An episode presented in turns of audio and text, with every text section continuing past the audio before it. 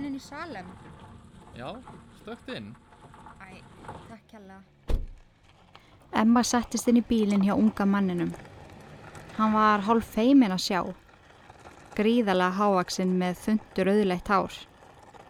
Andlitið þakið freknum og stór svört glerugu. Hún var svo fegin að fá far. Það var alveg glata að lappa á háhæliðum skóm svona langa leið. Ég er svo fegin að við náum loksins að fara á date. Ég er búin að hlakka svo til að hitta þig. Mm, ha, Emma vissi ekki alveg hvað hann átti að segja eða gera. Annarkvort var hann að rugglast svona svakalega eða þetta var illa geðveiku náungi. Hún var allavega að fara að hallast að því síðara. Hvað er að frétta mömmuðinni? Er hún ekki bara hress? uh, jú, bara mjög hresku. Æ, það er gott. Hvað langaði annars að gera? Ég er með smáraði plana fyrir okkur. Aðeins öðruvísi en síðast. En ég vissum að vera rána með þetta. Ég held þú sérst eitthvað rugglast, ég, ég þekki þið ekki. Elskar mín, ég vona allavega að sérst ekki búin að borða. Við erum að fara að fá okkur upp á smatið. Þú mátt láta mig út hérna. Halló, við erum komin inn í bæinn, ég get lappa hérðan. Gerðu það, hleyftu mér út. Emma greip í hurðahúnin á bílnum sem var harðlæstur. Jerry kerði með hana á ógnar hraða í gegnum bæinn og út hinum einn. Hann kerði og kerði og leti eins og hann heyrði ekki í henni. Hefur farið á tónleika? Þá meina ég tónleika með uppáhald hljónstinniðinni. Það er svo geggjuð upplifun. Ég verða að fara ekkert með þér á tónleika sæta mín. Hann stoppaði svo bílinn hjá yfirgefinni skemmu sem var að hruni komin. Hvar eru við? Akkur eru við hérna? Býtu hérna aðeins. Allt í einu var hurðin rifin upp farþega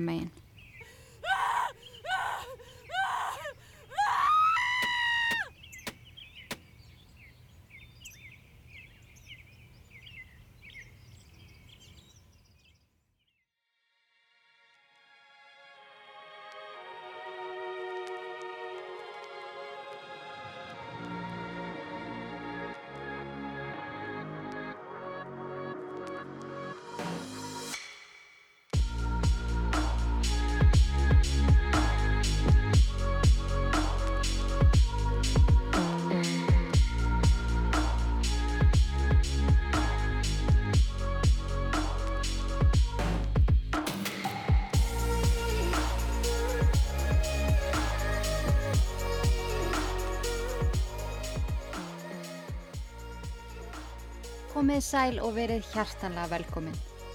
Ég byggðist afsökunar á því hvað þessi þáttur er að koma seint. En ég meina, lífið gerir stundum óvart og þá verður maður bara að row with it. En allavega, hér eru við samankomin og það er gaman. Ég vil líka þakka ykkur fyrir frábærar undirtektir eftir síðasta þátt. Þar sé ég söng óþarlega marga mínútur og eitti þannig dyrmætum tíma af lífi ykkar. en ég meina það er gaman að geti hleyja að mér. Og það er líka yfirleitt þannig, það er hleyið að mér en ekki með mér.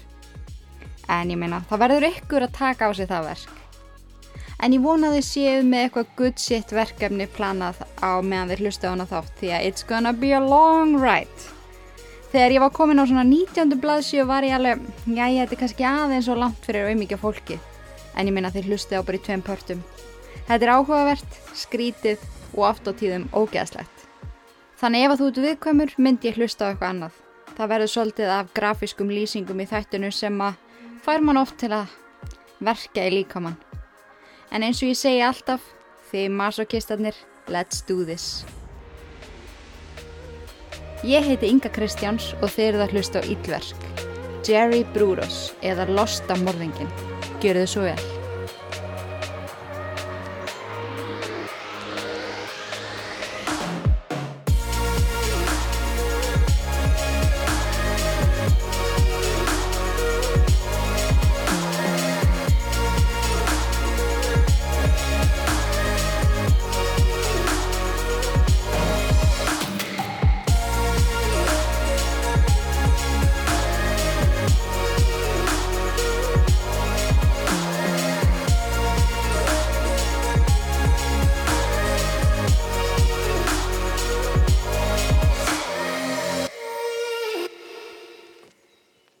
Jerry Brutos eða Jerome Henry Brutus, fættist hann 31. janúar 1939 í Webster, South Dakota.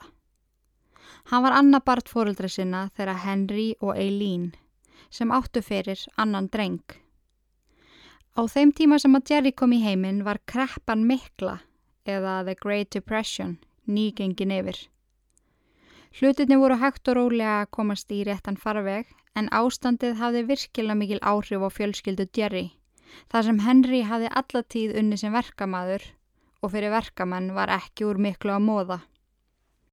Fjölskyldan flutti því mjög ofta millir staða og þannig eldi fadir Jerry upp störf sem að yfirleitt enduði með uppsögn vegna fjárraksvandamála í fyrirtekinu sem að réðan. Á tímabilið þá vann hann 2-3 störf til að ná endum saman sem þýtti það að drenginni tveir eittu mjög miklum tíma með móðu sinni sem var heldur betur skapstór. Eileen fór alls ekki lengt með að hversu ótrúlega vonsvikinn hún var að hafa eignast annan són. Hún þráði alla meðgönguna að Jerry erði stelpa. Svo þegar hann kom í heiminn varð hún virkilega svegt og skó ekkert af tilfinningum sínum. Hún hjælt upp á eldri són sinn Larry, tók utan að mann og sínd honum ást og umhyggju og skildi Jerry eftir útundan. Hún sagði oft við eigimanni sinn og Jerry sjálfan hvað hún hataði hann mikið. Hversu mikil vonbreiði hann væri og ef hún ætti eina ósk myndi hún óska þess að hann væri stelpa. Jerry ólst því uppi það að vera hataður á móðu sinni fyrir eitthvað sem að greiði gætt ekkert ráðið yfir. En ég heyrði ansi áhugaverða kenningu í þættinum Serial Killers en þar talar Vanessa Richardson sem er mistari um kenningu sem afbrótafræðingurinn Scott Bond setti fram um hegðun raðmórðinga. En í ótrúlega mörgum af þessum sögum sem að ég hef sagt ykkur þá uppliði einstaklingurinn mikla höfnun frá móðu sinni, jafnvel hatur. Þegar einstaklingurinn vexu úr grasi og fer að átta sig á aðstæðum sem að hann hefur búið í, fer hann að bera sama hatur til móðu sinnar og ekki endilega bara móðu sinnar heldur til allra kvenna. Flestir sem upplifa svona hræðilega barnæsku ná að vaksa úr grasi sem heilir einstaklingar og ná svona með tíð og tíma að vinna úr þessu en þó ekki allir. En eins og með Jerry þá fer hann að bera gríðalega mikinn hatur til allra kvenna. Hann ákveður ómeðvitað að passa sig á þeim og vera fyrri til þegar kemur að því að hafna þeim. Móður hans var vondu hann og þess vegna hljóta allar konur að vilja honum ílt. Og hann nefur í raun enga samkend þegar kemur að konum. Hann fer einhvern veginn að trúa því að það rétta í stöðinu sé að losa sig af alla sem minna ná mömmu sína vegna hraðslu við að upplifa minningar og æsku. Þannig að Jerry vex úr grasi sem mikill kvenn hatari. En það er ekki bara þessi gríðalegi kvennhatur sem að gerir hann að einstaklingnum sem hann síðan varð heldur voru fleiri þættir sem að ruggluðan mikið í rýmunu. En Jerry heitlaði snemma af öllu sem að tengdist kvennfatnaði. Silki undirfötum, kjólum og skarti, en sérstaklega háhæluðum skóm. Þegar hann var aðeins fimm ára gamall fann hann par af hælaskóm í ruslafötu rétt á heimilinu sínu. Fyrir honum var þetta sannur fjarsjóður. Hann fóð með skóna heim og þreyfða og gekk svo um í þeim heima á sér heilu og hálfu dagana. Þegar mammans kom staði að hann gengi um í hælaskóm, skamma á hann. Hún kallaði hann öllum yllum nöfnum og skipa honum að henda skónum. En þetta gerði skóna enþá meira spennandi í hans augum. Háhælaðir skór hættu að vera hlutur sem að hann aði gaman af. Heldur eitthvað sem að var bannað, eitthvað sem var tabú, sem að vakti hjá honum enþá meiri forvitni og áhuga. En í staðin fyrir að henda skónum þá faldan þá og klættist þeim þegar enginn sá til. Eitt daginn þegar að Jerry satt á gólfunin í herbygginu sín og las bók, klættur hælaskónum, kom mamman sinn og brjálaðist. Hún var svo reið þegar hún sá að hann hefði ekki hlýtt og hent skónum. Hún sló hann utanundir, tókaði eirun á hannum og öskraði á hann og kallaði hann kynvilling og homatitt, sem eru ótrúlega ljót orð. Hún neyður hans út í garð þar sem hún kveikir í skónum og lætur hann horfa á það. Jerry segir frá því setna meir að þetta atvik hafi verið eitt af því sem að móta hann að eilifu. Honum hafi verið kent frá unga aldri að kvennmannsföt á körlum væri bara viðbjöður. Það væri ránt og eitthvað virkilega mikið að honum að vilja það. Hann ótaðist móðu sína svo mikið en á sama tíma langaði hann að eiga svona skó. Og hann syrði skóna því þegar hann fekk að vera í þeim þá gata hann verið hann sjálfur. Í laumi leitaði hann leiða til þess að eignast aðra hælaskó. Eina helgina fekk sýstir Eileen sem er mamma Jerry að gista eina nótt á heimili fjölskytunar. Hún hefði keist langa leið og lagði þessi svo á sófanum eftir hún var komin inn. Hún var um eitt klætt háhæliðum skóm sem að Jerry varð strax starfsýnt á. Þegar allir voru farnir úr stofinni svo að frænkan fengi frið til að leggja sig, þá sá Jerry í tækifærið. Hann laumaði slötur hægt að fótum frængu sinnar og með silki mjúkum hreyfingum reyndan að taka hann úr þeim. Þegar frængan rumskaði við hann, sparka á nýjan og sá hann maður drulla sér út úr stofinni. Önnur misefnu tilrönd til að eignast sína eigin hælaskó. Hann gæti ekki stólið þeim, hann gæti ekki beðið fóröldri sínum að gefa sig þannig. Jerry var alveg ráðfróta og með tímanum þróaðist þetta yfir í þráhyggju. Hann let sér dreyma um háhælað skó, teiknaði þá stanslust og þetta var eitthvað neginn það eina sem var raunverulega glattan og hljóðið í hælaskónum var eitthvað sem hann let sér dreymum. Þegar Jerry var 13 ára gammal þá flutti fjölskytun hans til Salem í Oregon. Hverfi sem að þau flutti í var mjög fallegt og það var mikið fólk sem bjóðar, mikið líf og fjör alltaf. En það sem vakti hins vegar aðtekli Jerry voru allar ungu stelpunar sem byggu í götunni. Hvert sem hann leit voru stelpur allt umkring, bæði á hans aldri og örlítið eldri líka. Hann var samt ekkert endilega að horfa á þær, heldur fötin og skóna sem að þær voru í. Hann lagði á minnið rútinu stelpnana og fóreldraðira og vissi nokkur neginn hvenar heimilin væru auð. Svo á modnana þegar hann kvatti fóreldra sína til að fara í skólan, braust hann inn á heimili stelpnana, fó beina leiðin í fataskápin þeirra og eitti mörgum klukkutímum í að prófa kjóla, bróstarhaldara, nærböksur og auðvitað hælaskó. Fyrstum sinn passaði hann sig að ganga vel frá öllu á sinn stað og skilja ekki eftir neyn ummerki. En eftir að hafa stundað þetta í rúmt ár, hætti þetta vera hlutur sem hann reð við. Hann þráði að hafa aðganga kvennmannsfötum allan sólarhingin, ekki bara í nokkra klukkutíma á dag. Hann elskaði efni í fötunum, tilfinninguna að vera í þeim, hvernig hann leið þegar hann leiti í speil. Hann varða eignast sín eigin fött. Hann fór því að grípa með sér einn og eitt kjól eða brjóstaraldara frá stelpunum sem hann braust inn til. Greip líka af snúrum og úr forstofum sem að stóðu opnar. Það leiði ekki löngu þar til að hann komið bara ágæðla stort sapna fötum og skóm sem að hann gemdi í kassa undir rúminu sínu. Eins mikið og kassin glattan var hann stanslust hrættur um að mammans kemi staðisu. Þá myndi hún endalega afneitunum. En líka svo ég takja fram þá þekk ég persónulega bæði stráka og stelpur sem á klætsi í föt af gagstaðu kynni frá barsaldri. Það er nákvæmlega ekkert að því. Ég elska dragdrótningar og bara alla. Þannig að þessi þáttur er ekki gerðu til að niðra þá sem að klæða sér í föt af gagstaðu kynni. Enda mega allir gera það sem þeir vilja. Eina ástæðan fyrir því að ég er að segja ykkur frá þessu er af því að ég vilja skiljið sögu Jerry betur. Því að kvennmannsföt og skór eiga eftir að spila ótrúlega stóran þátt í þessari sögu. Að ég vildi bara koma þess að. Ég klætti mig persónlega í fötabróðu minu þegar ég var yngri og líður almennt meira eins og ég sjálf þegar ég er í strákahötum. Ég er ekki að djóka en mér finnst ég alltaf þúsundsunum meira heimavelli inn í Karlmannsverslunum heldur en í Kvennmannsverslunum. En það eru potið margar konur sem tengja við það. Kjólar eru náttúrulega verkfæri djöfelsins. Nei, sem tjók, gett dramatíst. En þeir eru ekki mjög þægilegir.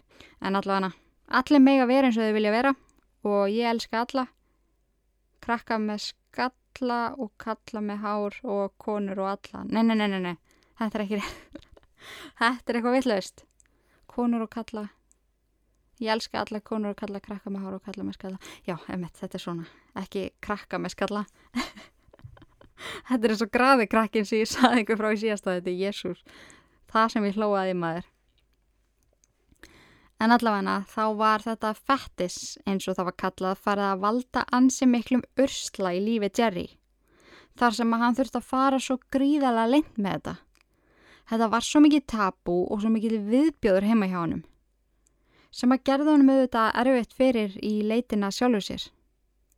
Í kringum 16 ára aldur fór Jerry að dagdreima um konus, eins og mjög margir 16 ára strákar gera en hans dagdraumar voru frekar dimmir og drungalegir. Hann ímyndaði sér ekki rekast á sætustu stelpuna í skólanum á ganginum, hjálp henni að taka upp bækunar sem hún misti þegar að rakst á hana og bjóð henni svo deit í kjölfari því að þau uppliði svo sexy eye contact.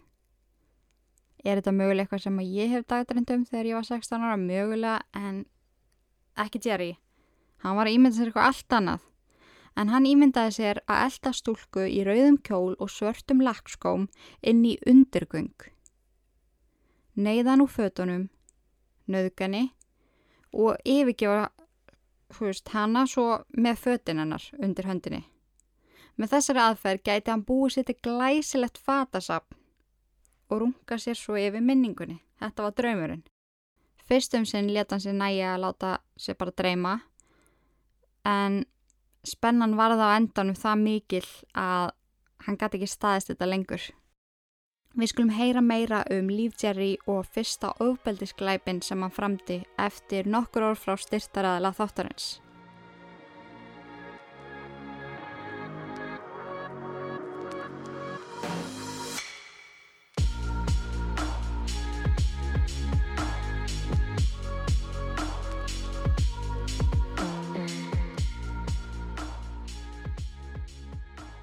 Hæ, ég heiti Inga. Hæ Inga. Ég elska Satisfyer Pro Traveler frá Blöss.is.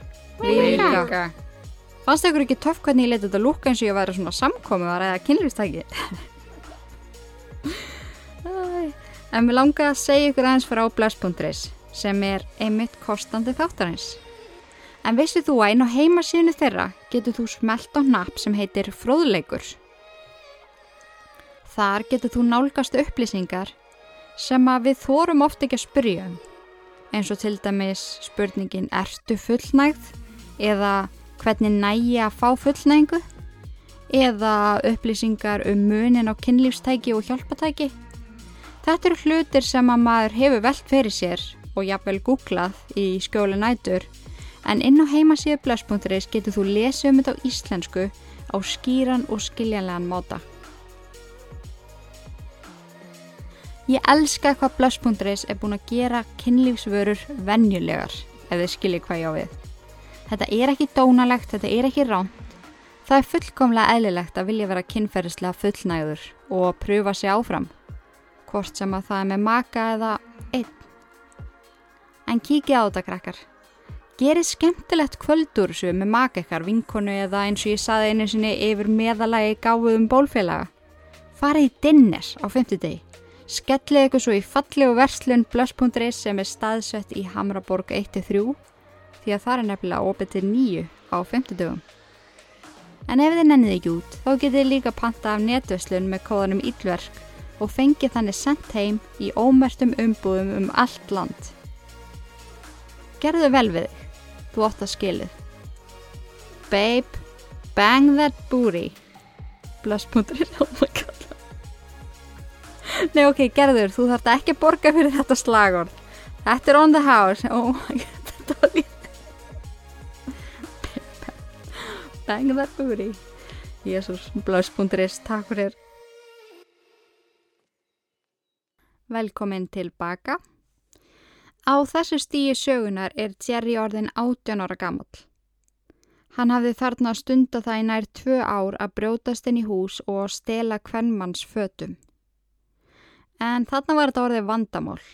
Nágræðarna stúlkur hans voru farnir að taka eftir því að fötinn þeirra á skór væri að hverfa og hverfið tók sér saman í að passa upp á hvort annað og fylgjast með því hvort að það væri bara einhver þjófur að fara á milli húsa á nóttunni eða eitthvað svoleiðis.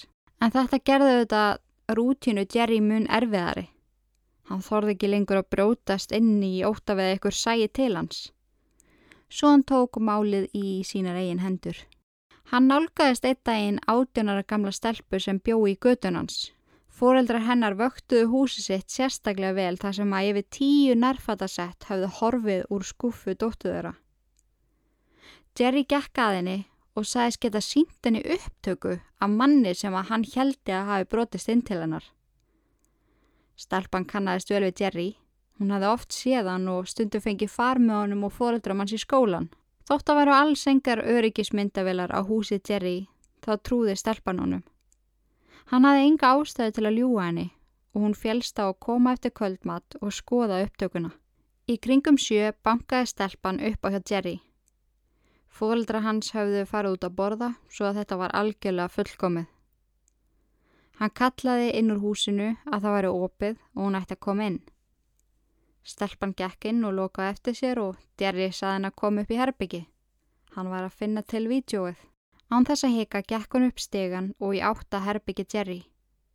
Hún ítti á hurðina sem stóð halvu opinn og hilsaði. Hann fekk ekkert svar. Hún kallaði svo inn í herbyggið. Jerry, ertu hérna? Henni bregður svo heftalega þegar grímuklætur maður stekkur að henni og grýpur um hálsin á henni. Þrátt fyrir grímin á hausnum þá fattar hún strax hverju þetta er. En Jerry var mjög hávaksinn og það fór ekkit á milli mála hverju þetta var. Hún spyr hann bara að hissa. Jerry, hvað hva ert að gera? Hann skipar hann að þeia og ódra að henni nýf. Segir hann að fara úr öllum fötunum og leggja þau á rúmið hans. Stelpan hlýðir og endar alls nakin inn í herbyggi Jerry sem að sækir myndavélina sína og skipar hann að pósa fyrir sig. Hún mátti ekki sína óta. Heldur átt hún að brosa og sína líka með sinns eins og hún vildi þetta jafn mikið á hann. Þegar fylgmann í myndavélina var búinn gekk Jerry rólega út úr herbygginu og niður stegan. Stelpan stóð stjörfi nokkra sekundur, ekki alveg vissum hvað væri eða í gangi. Hún klætti sér svo í fötin og ógna hraða og gerði sér líklega til að yfirgefa heimilið. Þegar hún var nokkrum skrefum frá útidyrahörðinni, heyrur hún kalla frá eldusinu. Býtu, hvað ert þú að gera hér? Jerry gengur rólega að henni, mjög hissa á svepin. Stelpan kemur ekki upp orði en er greinilega mjög ringluð. Jerry spyr hann hvort það sé ekki alltaf lægi. Það hafi ykkur ókunnum maður læstan út í skúr þegar hann fór og sótti sér að drekka og hann hafi fyrst núna verið að komast út. Hefur þú síð eitthvað hérna? Gerði hann þér eitthvað? spurði Jerry. Stelpan starði bara á hann og hristi höfuðið. Án þess að segja nokkuð sprett hún út úr húsinu og hljópens rættu hún gat heimti sín. Því miður tilkynnti hún þetta ekki til lauruglu fyrir mörgum mánuðum setna og sagði fóröldri sínum heldur ekki frá þessu. Þeir sem þekktu stelpuna sögðu að hún hefði verið þögul eftir þetta. Hætta þetta vini sína og loka sig af. Vá maður getur einhvern veginn ekki ímynda sér hvernig er að lendi ykkur svona og veselingstelpan sagði engum frá þessu. Heldur þurft hún að burðast með þetta tráma á aukslónum. En loksins þegar hún manaði sig upp í að segja frá þessu var ekki hægt að gera neitt. Frásögnennar var eitthvað sem var ekki hægt að sanna. Jerry var ekki á sakaskrá og málið varð bara einhvern veginn að yngu. Á meðan stelpan var að eilífur hrætt og leitum auksl hvert sem hún fór. Gekk Jerry um Sigri Rósandi og fljótlega fór hún að skipilegja sitt næsta afbrót. Í april 1956, aðeins nokkru mánuðum eftir hann reðast á nágrannarstúlkuna, lokkaði hann upp í bíl til sín 19 ára stelpu sem stóðið í vegkant og reyndi að fá farin í bæin. Hann stoppaði hjá henni og saði henni að hoppa inn. Hann var einmitt á leiðinni fram hjá hennar áfangastað. Þegar þau kyrðu að fór hann að tala eins og þau þekktust. Sagði að það væri gaman að hitta hann á loksins og hún hafi loksins sagt já við að koma á stefnumót með sér. Stelpan starði á hann og áttaði sér fljótaði að það væri ekki allt með feldu og þessi maður væri líklegast eitthvað skrítin. Hann helt áfram að tala við hann eins og þau þekktust og jók hægt og rólega hraðan á bilnum. Þegar hann var komin út í hinn enda bæjarins og auðnin tók við, fór stelpan að öskra. Hleyftu mér út. Jerry sagði hann að slaka á, hann ætlaði að komin á óvart. Þetta er þið frábært stefnumót. Hann kerði að yfirgefinni hlöðu og dró stelpun út úr bilnum barðana ítrekkaði andletið og sparkaði líkamennar. Í því keirir bíl framhjá. Unga parið í bílnum tekur eftir Jerry sem stendur yfir stelpenni sem verðist meðvitundalös. Þau keira að þeim og stíga út úr bílnum og spyrja hvað sé eða í gangi. Jerry segi þeim að hún hefði opnað hurðin á ferð og dottu út úr bílnum. Stelpan horfið á fólkið og hristi höfuðið. Sársökin var svo mikill að hún gati ekki talað. Parið horfið á hvort annað og Eva er stórlega um sögu Jerry. En hann breytti svo allt í hennu frásögninni og sagðist þurra bjarga stelpunni. Hann hafi átt leið framhjá og séð annan mann vera ráðast á hana. Þegar hann ætlaði að stoppa mannin, hann var flúið að vettvangi. Blessunulega trúði parið ekki sögunni. Tóku stelpunni í fangið og sögðu Jerry að elda sig. Parið bjónabla á sveitabæ rétt hjá yfirgefnu skemmunni og þegar þangað var komið ringdu þau á laurugluna. Jerry satt sallarólegur inn í eldúsi og beigð örlaga sinna. Það er ótrúlegt að hann hafi ekki reynd að flýja en sennilega hefur hann átt að sjá því að hann átti volítinn séns á þessum tímapunkti.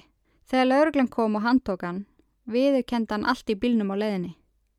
Saði að honum hafi langað að hræða stelpuna, stela fötunum hennar og að því hann sapnaði kvennmannsfötum og síðan ætlaði hann að taka myndir af henni naktri bara til að eiga en hann sagðist líka að hafa mist stjórn á sér þegar hann sá þess að falli og stelpu út í vegkanti. Það hafi farið um hann gyrnd sem hann reði ekki við. Þegar lauruglan skoðaði hins vegar bílin hans fannst ljósmyndabúnaður, teip, nývar og alls konar dót sem að fólk er ekkit endilega með í bílnum hjá sér. Svo þeir gerðu fastlega ráð fyrir því að þetta hafi verið fyrirfram ákveðu þegar Jerry fór út að keira þetta örlaríka kvöld. Í kjölfari var einni leitað í herbyggi Jerry þar sem laurugla taldi líklegt að þetta væri ekki fyrsta sinn sem að hann gerði svona lagað. En þar fundust hvernmannsfötinn, ljósmyndir af hvernmannsfötum og, og ljósmyndir af skóm og svo myndirnar af nágrannastúlkunni. Þegar þessi gögn voru borin undir Jerry, saðan að vinnur hans hefði neittan til að geima þessa myndir. Vinnur hans hefði sko hótað að drepa hann ef hann myndi ekki geima þetta fyrir hann. En það var ekki tekið mikið mark á Jerry sem var sett upp beinustu leiði fangaklefa og honum skikkað að tala við bæði sálfræðing og geðlækni. Eftir tögi viðtala kom í ljós að hann var ekki bara ofbeldisneður vandraðagemsi með fettis fyrir skóm, það var eitthvað miklu meira á dimmara sem amaði að honum. Það var talið honum fyrir bestu að vera lagður inn á geðspítala svo hann fengi hjálpuna sem hann þurfti. Hann var svo lagðurinn á geðspítala í Oregon og honum komi fyrir í stífu prógrami. En það kom virkilega óvart hversu mikil skil voru á milli daglegar hegðuna Jerry og síðan þessa dimmu hliðar sem hann bjó yfir. Í viðtalstímum kom hann út sem þessi ótrúlega venjulegi strákur sem að skammaði sín fyrir hvernig hann hagaði sér og hugsaði. Hann var alltaf kursteis, talaði skýrt, oft nittin og skemmtilegur einstaklingur sem að myndi einhvern veginn aldrei gíska á að eitthvað aðmaði að. Það eina sem í rauninni kom út úr þessu var að hann var með mjög mikið fettis fyrir kvennmannsfötum og skóm. Hann talaði um hælaskóm með svo mikillega ástríðu og gynd að læknar urðu orðlausir. Svona eins og skór væru ástinni lífans og hann myndi gera hvað sem er til að venda þá og elska. Svolítið eins og konundar sem að gengu í skónum væru nýðingar sem að færu illa með þá og hann yrði að bjarga skónum. Hann talaði oft þannig. Læknar töldu að þetta væri ástand sem hann kæmist yfir og með réttri meðferð ætti hann að geta lifa nokkuð eðlilegu lífi. En Jerry gekk alveg ofsalega vel inn á spítalanum. Tók fullan þátt í öllu, talaði opinskátt um sín vandamál og hann dvaldi þar í heldina í nýju mánuði þar til hann var útskrifaður sem heil maður sem átti að geta staðið sem er príði úti í samfélaginu. Eftir útskrift fór Jerry aftur í skóla. Þar átt hann virkilega erfitt uppdráttar. Bóklöfauðin reyndust honum virkilega erfið en smíðið teikning og handafinna henda honum vel. Hann fjalla ekkert sérstaklega vel inn með öðrum nemyndum. Hann talaði svo lágt og var alltaf með þetta skrítna glott. Strákanir í skólanum gerðu grína á honum og stelpunum fannst hann creep. Hann rétt náða að útskrefast úr tíundabekk með leggstu engun í bekknu sínum og enga vini. Eftir útskrift skráði hann sér í bandaríska herin. Í undirbúningsbúðunum treysti hann sálfræðingi hersins fyrir sínum dýfstu lendamálum, hvað hann þráði að gera við konur og hvað tilfinningar hann hefði þegar að koma hælaskóm.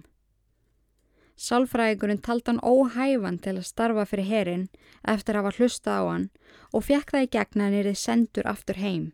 Jerry sem var þarna tvítur neittist því til að flytja aftur inn til móðu sinnar. En hann átti enga peninga og ekki neitt á milli handana. Honum bauð við því að flytja til konunar sem hann vissi að hataði sig. En það var ekkit annað í bóði. Mammans sem var þarna orðin ekki var ekkit sérstaklega ána með að sjá fullónin svonsinn koma aftur með skotti á milli lappana. Búið að mistakast í öllu eins og annarlega. Þótt að væri nóga svepplási í húsinu, neita hann honum um að fá að sofa inni og sá hann um að hann geti búið um sig út í verkfara skúr. Stuttu eftir hann flutti aftur til mömmu sinnar fór hann að upplefa þessa dimmu dagdröma aftur. Hann að hlaupa eftir ungri fallir konu í kjól og háaleðum skóm króa hann af og neyða hann úr fötunum, taka svo myndir af henni. Hann náði þessari hugsun ekki úr hausnum á sér. Hann byrjaði aftur að stela nærfötum af þvottasnúrum og geima í kassa inn í verkvaraskúrnum. Það benti einhvern veginn ekkert til þess að Jerry hefði batnað. Tveim vikum eftir hann flutti aftur til mömmu sinnar var hann að sinna erendum í Salem í Colorado. Hann rak svo augun í unga ljósherða stelpu sem var á röldinu kletta í rauðan kjólu og háhalaða skó. Hann hafði aldrei síðan neitt í að fullkomið og vissi að þessari gæti hann ekki sleft. Hann lagði bílnum og eldana. Þegar hún gekk fram hjá húsasindi sem var yfir fullt af ruslafötum, reðst hann á hana. Hann tók um munnenar og dró hana baka ruslafötunar. Með hinni höndinni þrýstan um hálsin hennar þar til hún leið út af klætt hana svo úr skónum og hljóp með þá í bílinn sinn. Þegar hann settist inn í bíl þá gata hann ekki annað en hleið. Hvað var þetta eiginlega auðvelt? Hann lagði skóna varlega í farþegarsætið og dáði staðum. Þeir voru nýleir svartir skór með silfur silgju yfir tonni. Allt og litli fyrir hann en fullkomnir í sapnið. Hann var svo sjálfsörugur og vissum að þetta væri taktikinn sem virkaði að dæin eftir reyndan hann nákvæmlega sama við aðra konu sem hann sá. Sú kona barðist með kæfti og klóm og var ekki nálætti jafn auðvelt fórnalamp og hinn konan. Hann náði bara öðrum skónum af henni og hljóp með hann sigri rósandin í bílinn sinn. Einn í litla dimma verkværaskurnum raða hann skóm sem hann hafi stólið í kringum dínuna sem hann svaf á. Hann hjælt sérstaklega upp á hann eina sem hann þurfti að hafa svo mikið fyrir. Kistan og svaf með hann á kottanu sínum ok, sko, ég hef alltaf sagt að ég elski skó, en Jerry, hans ást á skóm er á okkur allt öðru leveli. Í kringum 21 árs aldur fekk hann svo starf hjá útarstöð í Oregon. Hann vann þar sem rafverki og svona allt múlíkt mann.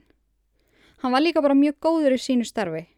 Fólki á stöðinni kunni vel við hann og í fyrsta skiptu á æfinni var hann bara nokkuð ánæður. Hann egnaðist mér að segja nokkra góða vini og fekk loksins laun sem hann ætlaði sko nota til að komast í burtu frá heimili móðu sinnar. En það var eitt sem að vantaði í lífans. Húnu langaði svo í kærustu. Hann var með ansi skýra hugmynd um hvernig konan vildi. Hún þurfti að vera undigefin, hlýðin og gera allt fyrir hann. Hann barða einu sinu undir félaga sinna út á stöðinni að nú var hann að leita sér að kærustu.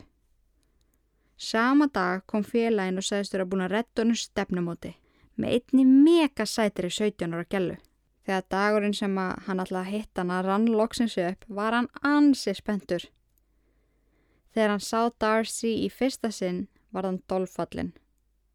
Hún var lágvaksinn og grönn með dögt sítt hár og stór blá augu. Kurtis og prúð og örlíti feimin. Eftir að hafa spjallað hana allt kvöldið komst Jerry að því að hún var í góð stelpa.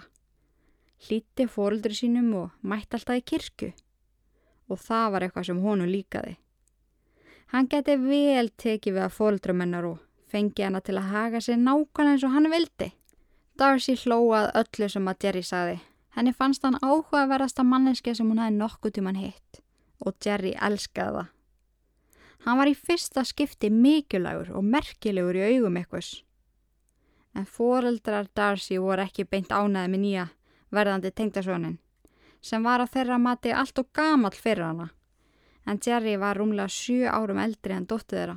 Darcy sem hafði alltaf hlýtt fóreldri sínum og farið eftir þeirra reglum var ansi spennt að fá loksins tækifæri til að fara sínar eigin leiðir. Jerry var spennandi og öðruvísi en allt sem hún hefði vanist og hún fór með tímanum að sína fóldri sínum mótþróa. Þau lögðu á ráðin um hvernig þau getur verið saman án þess að neitt geti mótmælt. Þau föttuðu svo allt í einu að ef Darcy er þið ólétt eftir Jerry, þó hefðu þau fullan rétt á því að gifta sig. Strángtrúaði fóldreinar myndu aldrei sætta sig við að badnabatnið þeirra væri uppalið utan hjónabands.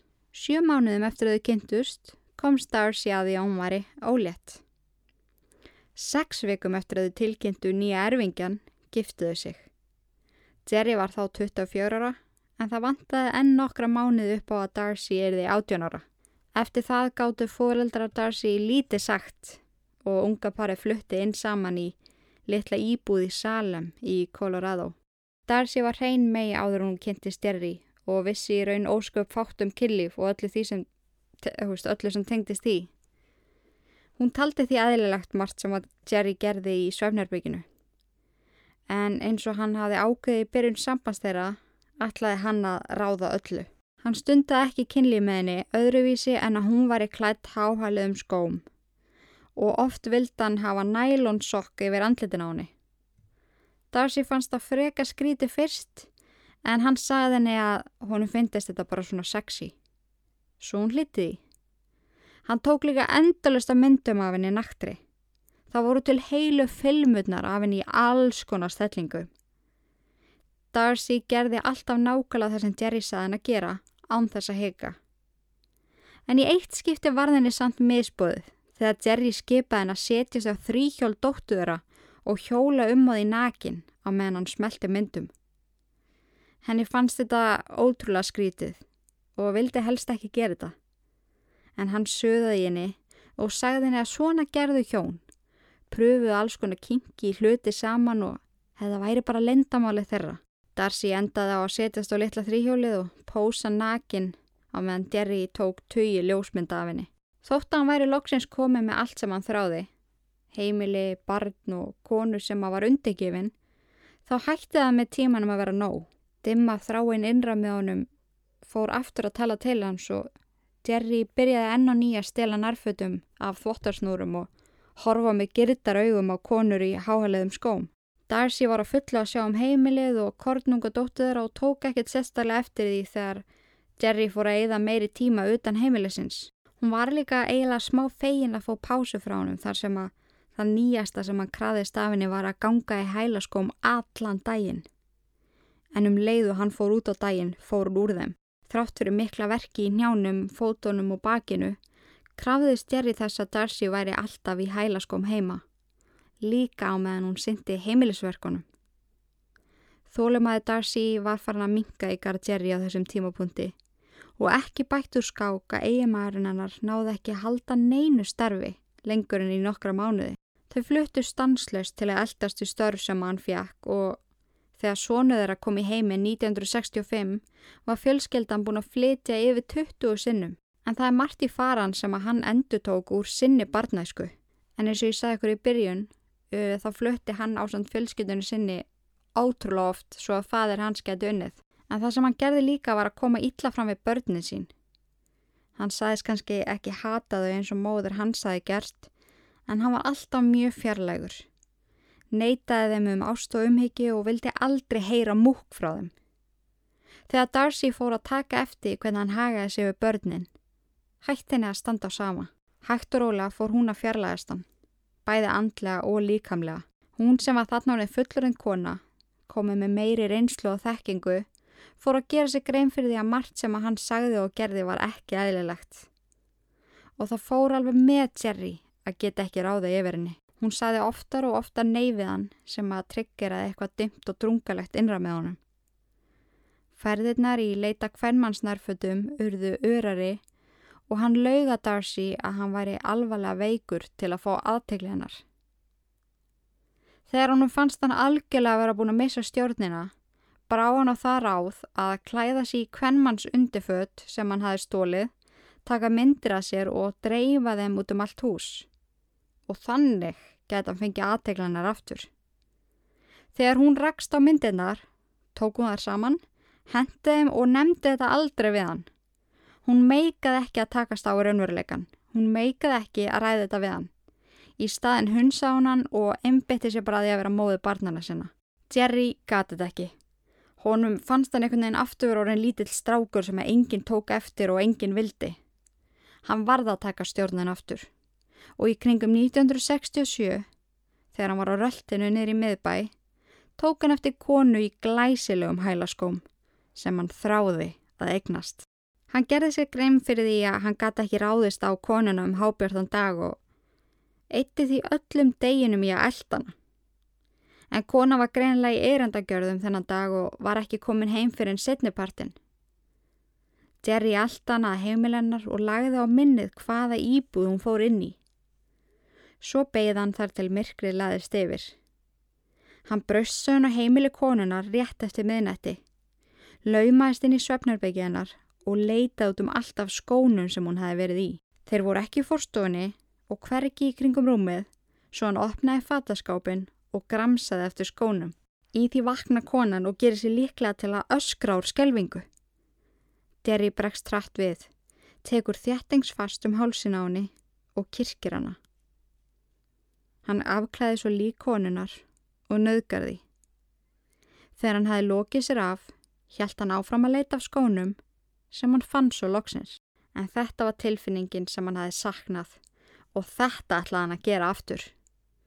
Ef að Darcy myndi ekki gefa hann allt sem hann vildi, ætlaði hann bara eldast við það sjálfur. En eftir þetta hætti það að vera nóg að taka bara dauða hluti af konunum. Hann vildi taka það lengra og áttu glæpur hans bara eftir að vestna eftir þetta. En það bætti ekki úr skák slið sem hann var fyrir í vinnunni sem skattaði heilastar sem er hans ennþá meira. En á meðan hann vann sem rafvirkja á útarstöð lendan í því að tengja saman vittlus og víra. 480 volt fóru um líkamanns. Ramagni var svo stærst að hann skust þvert yfir herbyggið og lendi út í hortni herbyggisins meðvitundalös. Læknum fannst magnað að hann hafi lefað þetta af og þurfti Jerry aldrei að leggjast inn á spítala vegna slissins en það er talið mjög líklegt að þetta hafi valdið framheilaskaða sem átti eftir að hafa mikil áhrif á raukhugsun og samkend Jerry sem voru nú þegar hlutir sem honum skorti. Nokkrum vikum eftir slesið rakst Jerry á unga konu út í regningunni.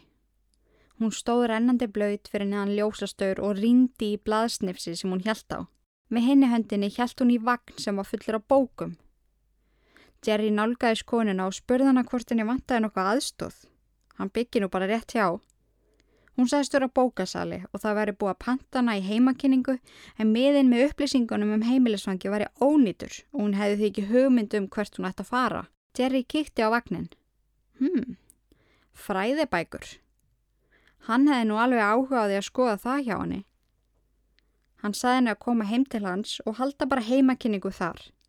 Hann var í sjálfur mikið gefin fyrir bækur og þá yrði ferðin hennar heldur ekki til einskis. Var fljóta að segja já. Henni vantaði sjölulaunin og henni vantaði nöðsilega að komast út úr regningunni. Jerry hjálpaði henni með vagnin og fylgdi henni nýri kellara heimilisins, sem var eini staður húsin sem á fjölskyttan hans mótti alls ekki koma nálagt.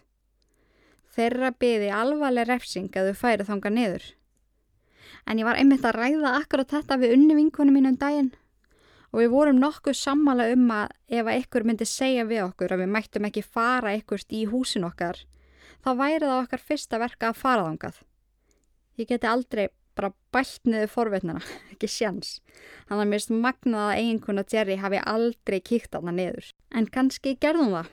Sá stóra hvernmanns fatasafni hans Jerry og bara þorði ekki að spurja hann meira út í það. Ég geti líka alveg vel trúið á því en hann fór með bókasölu konuna Lindu niður í kellara. Kellaran var dimmur og drungalegur og fyrst var Linda mjög óviss um hvort hún ætti að fylgja honum. Síðan heyrði hún í fjölskylduna hans uppi. Spurðan hvort hann ætti nokkuð börn og Terry sagði hann að mamma þeirra væri líklega bara hafaði tilbúin fyrir háttin. En þessa frettir hafa líklega slétti við Lindu þegar hún heyrði þetta og eldan inn. Derry sagðist alltaf kveiki ljósinn til að sjá betur hvað hún hefði upp á að bjóða. Á meðan Linda beigði sig við vagnin, tók Jerry upp spýtu og barða hann eins fast og hann gatt aftan í nakkan. Linda hrundi í gólfið en umlaði. Hún var ekki dáin.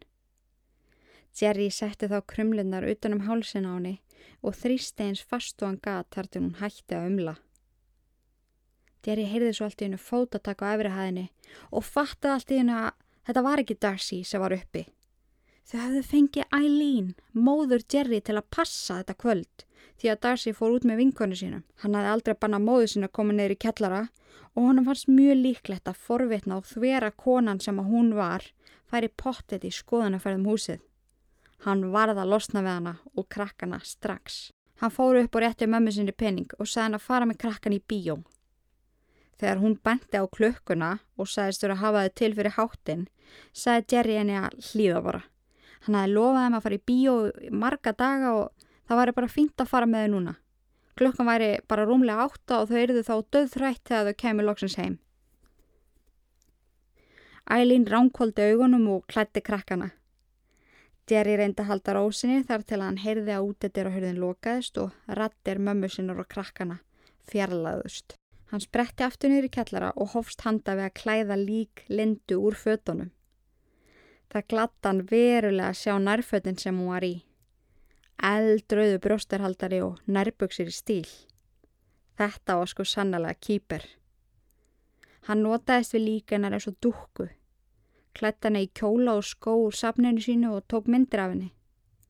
Hann tók yfir 40 myndir af Lindu í mismunandi fötum, skóm og alls konar pósum. Jerry geimd hana neyru kjallara í tvo daga. Klætti líkið upp og misnótaði það eftir að fjölskyttan hans var sopnið á kvöldin.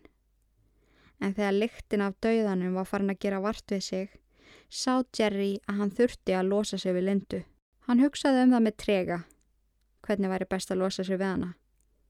En hann þráði ekkert meira en að geta haft hana áfram, geta leikið sér með hana og tekið myndir. En það var ekki hægt. Líktin átti eftir að koma upp um hann. Hann ákvað því að fara millivegin og að halda eftir minnjagripp, eitthvað sem myndan á góðu stundirnar með líki lindu. Hann sagði af henni hægri fótinn, sett hann í uppáhals hælaskóin úr sapninu sínu og kom honum fyrir inn í ískapnum í kjallaranum. Síðan vafði hann líki lindu inn í ruslaboka, óg með það ánni sem lág í gegnum bæin og hendiði út í ströymharðasta hlutennar. Fyrir honum var máli úr sögunni og hann gæti ekki beði eftir að komast heim til að mynda fótinn í öllum háhæluðu skónum sem hann hafi sapnað. En þegar hann var svo komið leið á fætinum og fóturum fann að lykta ítla, fóra með hann að hanni og kasta honum ofan í með restinni af líki lindu. Fyrir honum hafði þetta gengið eins og í sögu og honu hlakkaði til að gera nákvæmlega sama við næstu konu sem hann fyndi á förnum vegi. Nokkru mánuðum eftir morðu á lindu kvarf uh, Jan Whitney en hún var fyrirmyndanemandi, vinamörg og trúði einhvern veginn á það góða í öllum. Hún þurfti að keira nær 100 km á hverjum degi til að komast í skólan og það kom nánast fyrir í hverju viku að hún tók upp í bílinn til sín puttalinga. Henni þótti gaman að aðstóða aðra og kynast nýju fólki. Svo þegar hún kvarf var fyrsta spurningin sem kom upp hjá fjölskytunennar og vinum. Hvern tók hún upp í bílinn hjá sig núna? Jen hafi lagt bílu sínum hjá bensinstöð því undarlegt hljóð hafi borist úr vélenni. Hún hefði tekið upp í bíl til sín tvo menn sem þurfti að komast áleiðis. Þeir reyndu að hjálpa hennu með bílinn en hann fór bara ekkert í ganga aftur eftir hún slögt á honum. Jerry rakst svo þremminningarna og gekk til þeirra og bauð fram sína aðstóð. Hann bölvaði því innra með sér að hann væri ekki einn. Þetta er ekki einfalt missjón með þessa tvo hippa. Eftir hann hafi grúskað í hútti bilsins í smá tíma, saðan tíðan að það vantaði einn varlut og hún geti komið með honum að kaupa það og í leiðinni mynduðu skuttla hippunum eins og hann kallaði mennina á áfangastað. En þetta útskýrir af hverju bíl Jen fannst algjörlega óskattaður hjá bensinstöðinni, ekkert blóð, enga reispur, ekki neitt. Hann var meira að segja læstur. Jerry skuttlaði mönnunum á áfangastað og sagði svo í Jen að áðurðu ætlið að fara í búðina að tjekka varhlutunum, ætlaði hann að sjá hvort hann ætti þetta kannski bara til í bílskutni hjá sér. Hann lagði bak við húsið og baða hann að býða örlittla stund. Jerry þóttist svo fatta það að konan hans var ekki komin heim og gekk aftur á bylnum og sagðist sagði þau þurfti að býða í smástunda því að konan hans var á leiðinni og hann væri liklalauðs. Þau spjölluðu smástund og fóru meira segja í leik sem að Jerry fann upp á. Leikurinn var þannig að hann átti að lýsa heilaskóm fyrir henni og hún átti að gíska á hver hafði hannað á. Jerry fann að Jen var mjög róleg með honum og þannig vildi hann hafa þetta. Þegar hún átti síst von á, greip hann um hálsin á henni, þrýsti með öllu afli, hún barðist um í sætinu, sparkaði og veifaði höndunum, en hann stoppaði ekki fyrir en Jen var dáin. Hann dró líflausan líkamenn að neyri kjallara þar sem hann mistindi líkinu tímónu saman. Hengd hann svo upp á hálsinum og klætt hann í fötinn sem hann hafi sapnað og tók svo myndir. Í þetta skipti ætlaði hann ekki að halda eftir fótlegnum. Hann hafi dreymt um það að búa til gerfibrjóst á sjálfa sig með ekta brjóstum, svo hann skarðu af henni. Hendi líkinar svo í anna og fór svo ansi spentur heim að hefjast handa með gerfibrjóstin. Hann blandaði saman lími og pappir og vatni og ætlaði með því að móta brjóstin.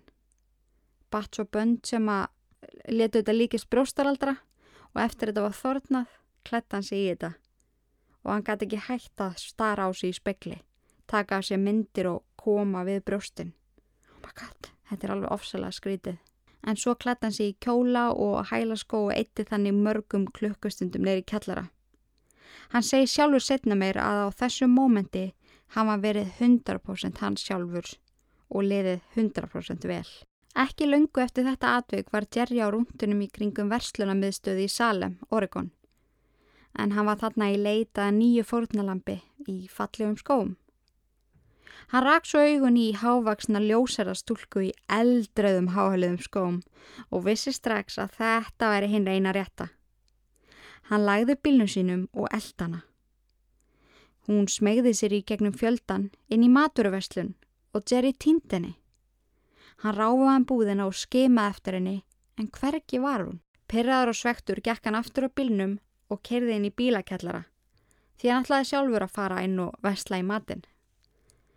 Hann var nánast einn í bílakjallaranum nema að hann sér unga konu stíga út úr bílnum sínum.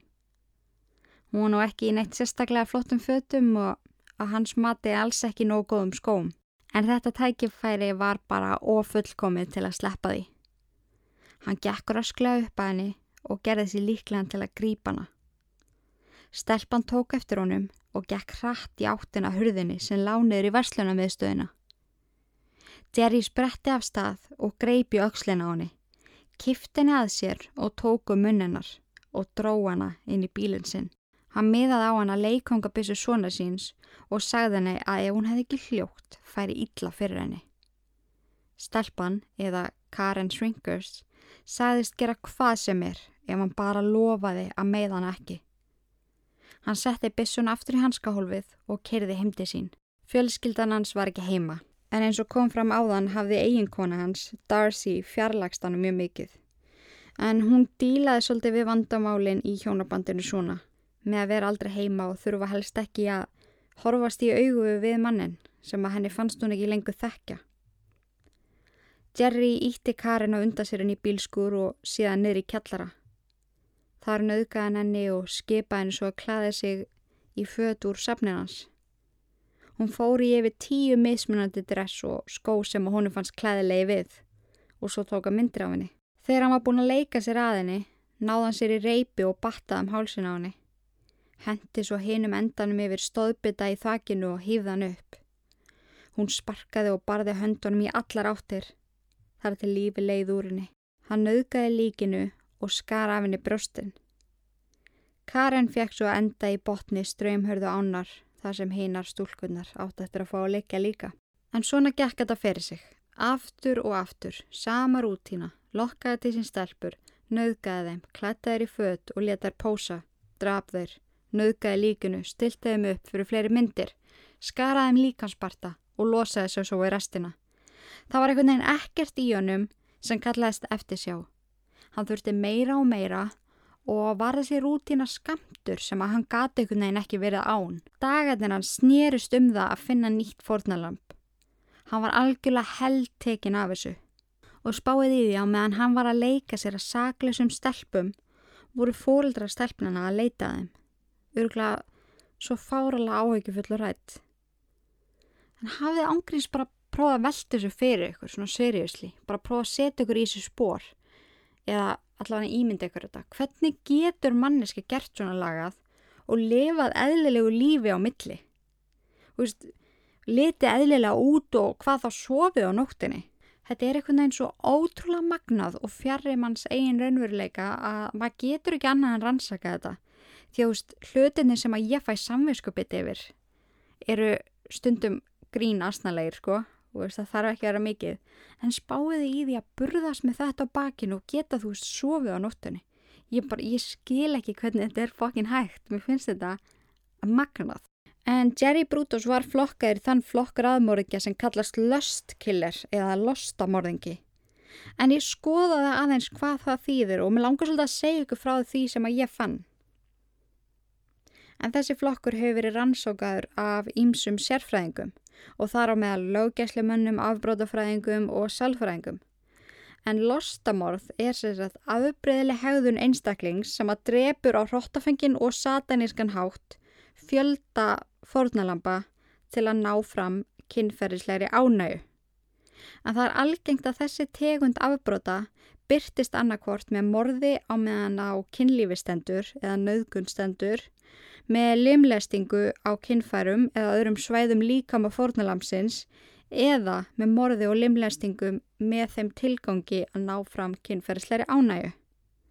En það er algengt að lostamorð feli í sér aðtapnir eins og að fjarlæga föt af líkama fórnalamsins og stilla líkamann svo upp í mismunandi stöður eða pósur. Og lokum er bæði kannibalismi og nigrofília mjög algengt sem er í stuttumáli að leggja fórnalambi sér til munns og svo stunda kynferðislegt atferðli með líki til þess að þú fáir út úr því kynferðislega ánægu. Þetta hefur gerst það oft í heiminum að það er til sérstakur flokkur fyrir þessa tegund morðingja sem er hellingur. En allir þeir morðingar sem að ég hef skoðað úr þessum flokk eiga sameilagt að hafa orðið fyrir eitthvað skonar höfuð áverkum og þeim var öllum hafnað hróttilega móður sinni. Svo maður getur ekki annað en spáð í því hvort þessi, þú veist, hvern fyrirleitning og þrái að hafa stjórniðu konun og síðan þessi sköttun á heilastar sem er búið til lostamorðinga. Þú veist, hvað heldur þú? Getur það verið? Heldur þú að svona vond fólk fæðist hannig eða er þetta eitthvað sem að umhverfið í kringum það skapar? Váka ég að vera til að vita svara við þessu. En já, hvert var ég komin með Jerry? Jerry, Jerry, já, hann held áfram í samafarinu. Dagarnar snýrist um að finna sér annað fórnalamp og hann fann ekki fyrir vott af sektakent, uh, samkend eða eftirsjá. Hann vildi halda þessu áfram til að finna fyrir kynferðislegri ánægu og líka finna fyrir þessari stjórn stjórn sem að hann hafiði yfir konunum sem hann mistemdi. En eftir morðið á Karin Sprinkler uppliði Jerry í fyrsta sinn tvær misefnar tilrunir við að ræna konum. En fyrst var það hetjan, hún Sharon Wood og ég segi það ekki alla konunar sem urðu á hans vegi og hóru hetjur þar borðust fyrir Þar börðust fyrir lífisinu en yfirlegt hafði hann því miður yfirhendina en Sharon hún neytaði að verða fórnalambið hans og beita hann svo fokkin fast í höndina þegar hann reyndi að draga hann inn í bílinn sinn að þú skæin gargaði úr sásöka. Hún beit fastar og fastar og fann hvernig tennunar sukku inn í hendina á hann. Hann barði höfðina á hann í gangstéttina þótt hún heldi ennþá í hann með tönnunum. Hugsunahátturinn hans breyttist einhvern veginn í miðri árás og hún fann fyrir því. Hann var ekki lengur að spá því að reyna að fá hann að heimti sín í kellaran. Hann vildi bara losna frá henni því annars er þann grepin. En Sjáron hjælt betunur þráttur að hafa mist mikið blóð og þótt að henni væri farið að svima eftir mikla höfuhöggið. En hún slefti ekki fyrir hún sá bíl koma keirandi að svæðinu. Þá slefti hún og öskraði eins háttu hún mögulega gatt. Um leið og hún slefti takinu, spretti Jerry eins rætt og hann gæti burtu. Sharon lifði þetta blessunlega af og gætt sagt fyrir öllu sem hafi gerst og hún gætt líst honum ótrúlega vel. Á þessum tímapunkti uh, var ekki tengt saman þennan atbyrð uh, vissist alla stúlkur sem hafði horfið síðustu mánuð ár, en lögreglan var samt sem áður skrefi nær. Dæin eftir þetta rakst Jerry á aðra stúlku sem var einu á ferð. Hann var pyrraður og reyður yfir því að Sharon hefði komist undan og þrá hans e, við að láta þetta ganga upp var svo mikil að það nær sögða honum. Gloria Jean Smith var að gangi nálagt gömlum jártbröðateinum sem voru ekki í nótkun. Hún var á leiðinni heim af dansæfingu og fór oft þessa leið til að spara sér sporin. Jerry tók eftir henni og gerði sér líklegan til að nálgast hana. En hún hins vegar tók eftir honum fekk slæma tilfinningu og hljópins rattum gati burtu í örugt skjól. Á meðan hún hljóp öskra hún eins háttum gat til að fæla hann í burtu. Jerry var ekkit eðlilega pyrraður. Hann ótaðist það að vera búin að missa taktin. Hann ótaðist það að það byði hans öruglega laurugluþjóðn við hvert horn þar sem stelpunar hlutu að hafa sagt til hans. En hann var samt að halda áfram. Hann gati einhvern veginn ekki stoppa þarna. En daginn eftir þessa misafnuðu tilraun með Glóriu tók hann eftir Lindu Seili. Hann hafði eins og oft áður uh, lagt fyrir utan verslunamiðstöðuna í Salem og fylst með konum sem voru einar og ferð. Linda ætlaði þarna þennan dag í verslunarleðangur í leita ammaliðskjöfanda kærastönu sínum. Hún var glæsileg ungkona sem kerði um á eldröðri volsvagin bjöllu og greip strax aðtegli Jerry. Hann beigði eftir henni fyrir utan. Hann var með glænýtt plan sem átti ekki eftir að mistakast og Linda Seili átti eftir að vera svo fyrsta sem hann pröfaði þetta skothelda plan á. Þegar Linda kom út með hendundar fullar á pókum, nálgæði stjæri hana, hægt og rólega. Hann ávarpaði hana kurtisislega og síndi henni falsaðan lauruglustgjöld. Sæðist þér á vakt hjá verslunarmiðstöðinu og hún þurfti að koma með hann upp á stöð því að hún var í grunuð fyrir búðafjófnað. Linda sagði að þetta hlitu nú að vera eitthvað mistök. Hún hafði engu stólið og var meira sami kvittun fyrir öllu sem hún hafði keift. Hann sagðist nú bara að vera að vinna sína vinnu og hann skildi að væri að fara með hann upp á stöði í Portland. Linda þorði ekki öðru en að hlýða gerfi löggunni. Hún var róleg og yfirböguð, vissi vel að hún geti sínt fram á það að hún hefði ekki stólin einu. Þannig hún settist í farþegarsæti í bíl Jerry og hann kerði af stað. Hún spurði yngra spurninga alla leiðina Ekki einu sinni þegar þau kyrðuði gegnum Portland og inn í Salem og, og endanum heim til Jerry. Hann lagði bílun sínum inn í bílskur og steg út á bílnum. Það kom hann um rækilega óvart þegar eiginkona hann stakk hausnum inn í bílskur. Hann var vissum að hún væri eitthvað staður úti með krakkana.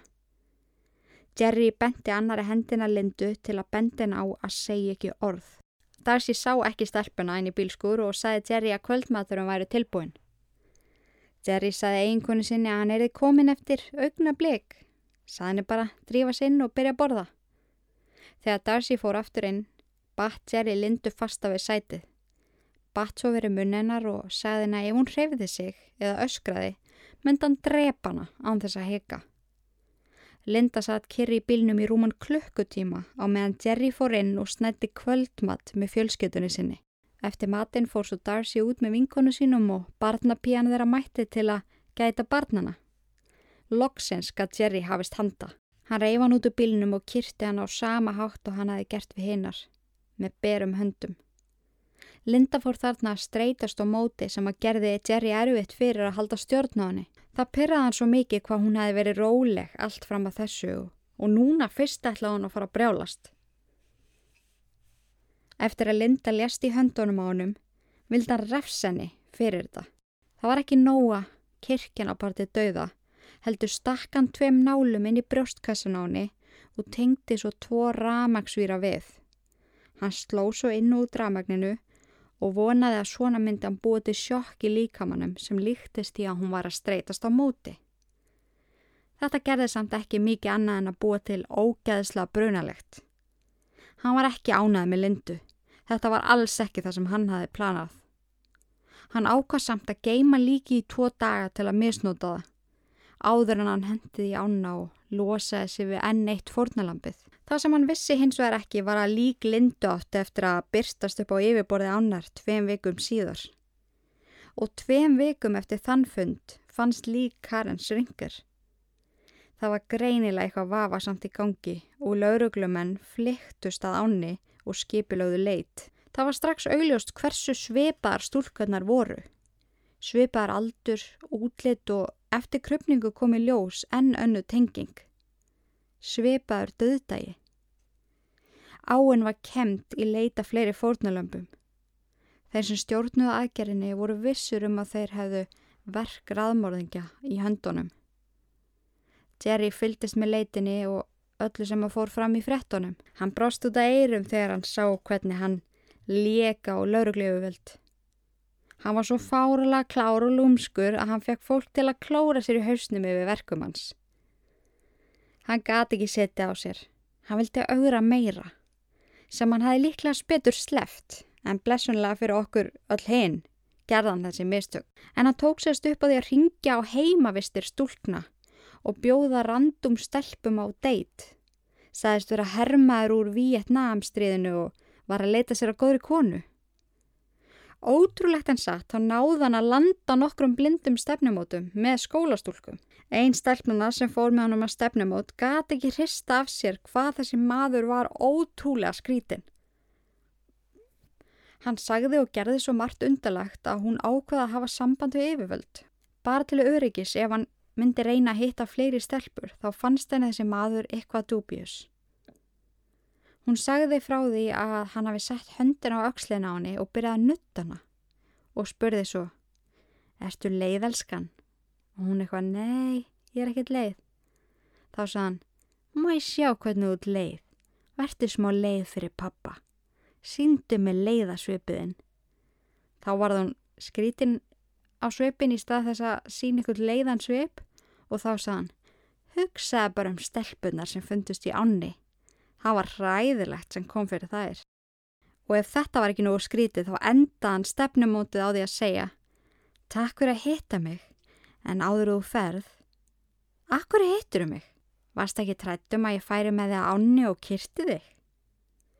Lauruglumæður sem að stelpann talaði við var í sjokki. Mann djöfullin var bara í ganni sína augra, en þetta áttu sko eftir að verða honum á falli. Þegar lauruglan fekk svo lýsingu af manninum, sem var lýst sem hávöksnum, stæltum manni með ljósrött þund hár og andliti koferaði freknum, ringdu bjöllur. En þetta er sama lýsing og hafi komið inn nokkur áður. Þegar stelpan sem var hljóf frá honum rétt hjá lestateinum, lístónum, sagði hún nákvæmlega sama. Ótrúlegt en satt og með að vera alltaf hræðilega sem að Jerry Brutos hafi gerst, voru það freknurnar hans sem að urða honum að falli. Lauruglu maðurinn saði skólastelpun að fara varlega og láta vita ef að hann hefði samband aftur, sem hann á endanum gerði. Hann ringdi hann og bauðin upp á Coca-Cola og spjall. Stelpan reyndi að halda rósinni, saði hann um að hún geti ekki hitt hann alveg strax, hún væri að þóa sér hárið en geti hitt hann í andirinu á heimavistinni eftir 45 mínútur. Hann samþekti það og hún hefði strax samband við lauruglu. Óenginnisklætti lauruglumenn drefu sér á staðin og settust ímist í sætin í andirinu eða stóðu við fataslana. Þegar maðurinn sem að passaði við lýsinguna gekk inn, grepuð er hann. Bara rólega samt og spurðan hvað hann væri að gera þarna. Hann var alveg sultuslagur, sagðist hafa verið að slá lóðina fyrir vinsinn sem að var ekki heima á. Svo ætlaði hann bara að fara og kíkja hans á heimavistuna áður en hann færi aftur heim til Salem.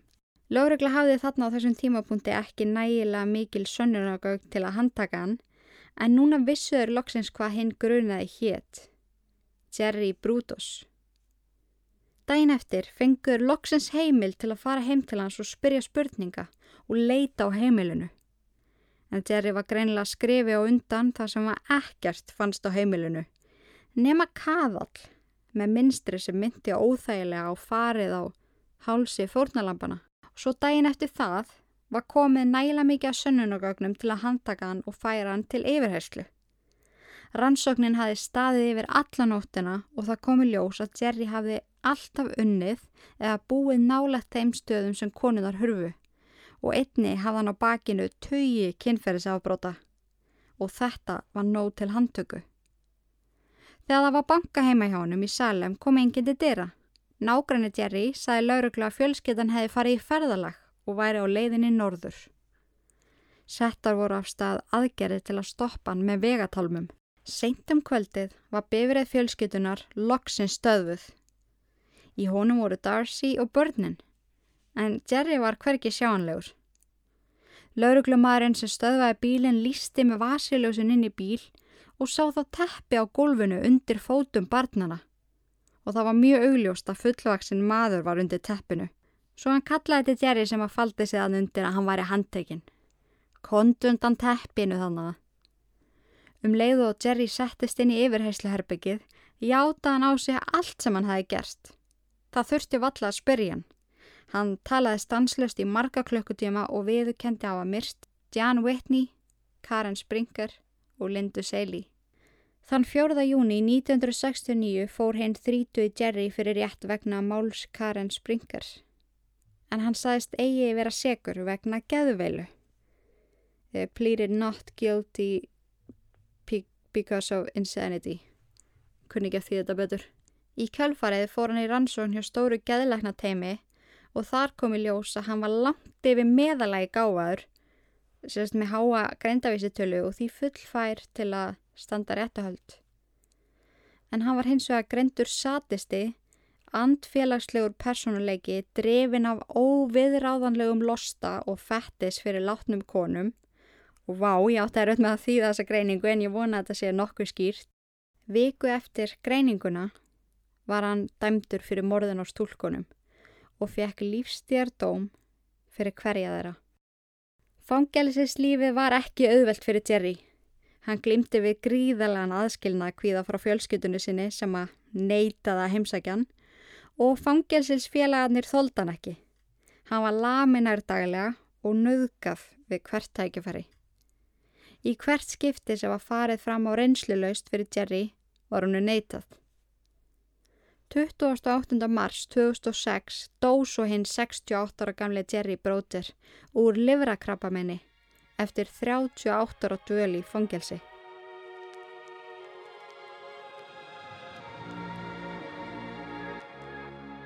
Áður í kveðugur í dag þá langar mig að minna ykkur á ítverk.is. Þar getið þið nálgast alls konar skemmtileg blogg frá hæfileikaríku pennunum sem skrifa fyrir ítverk og þið getið einnig skráð ykkur í áskrift. Ef að einn þáttur í viku er ekki nóg, þá getið þið tryggt ykkur 5 auka þætti í mánuðu fyrir 990 krónur. Endilega kíkja á þetta mín kæru mannsbörn.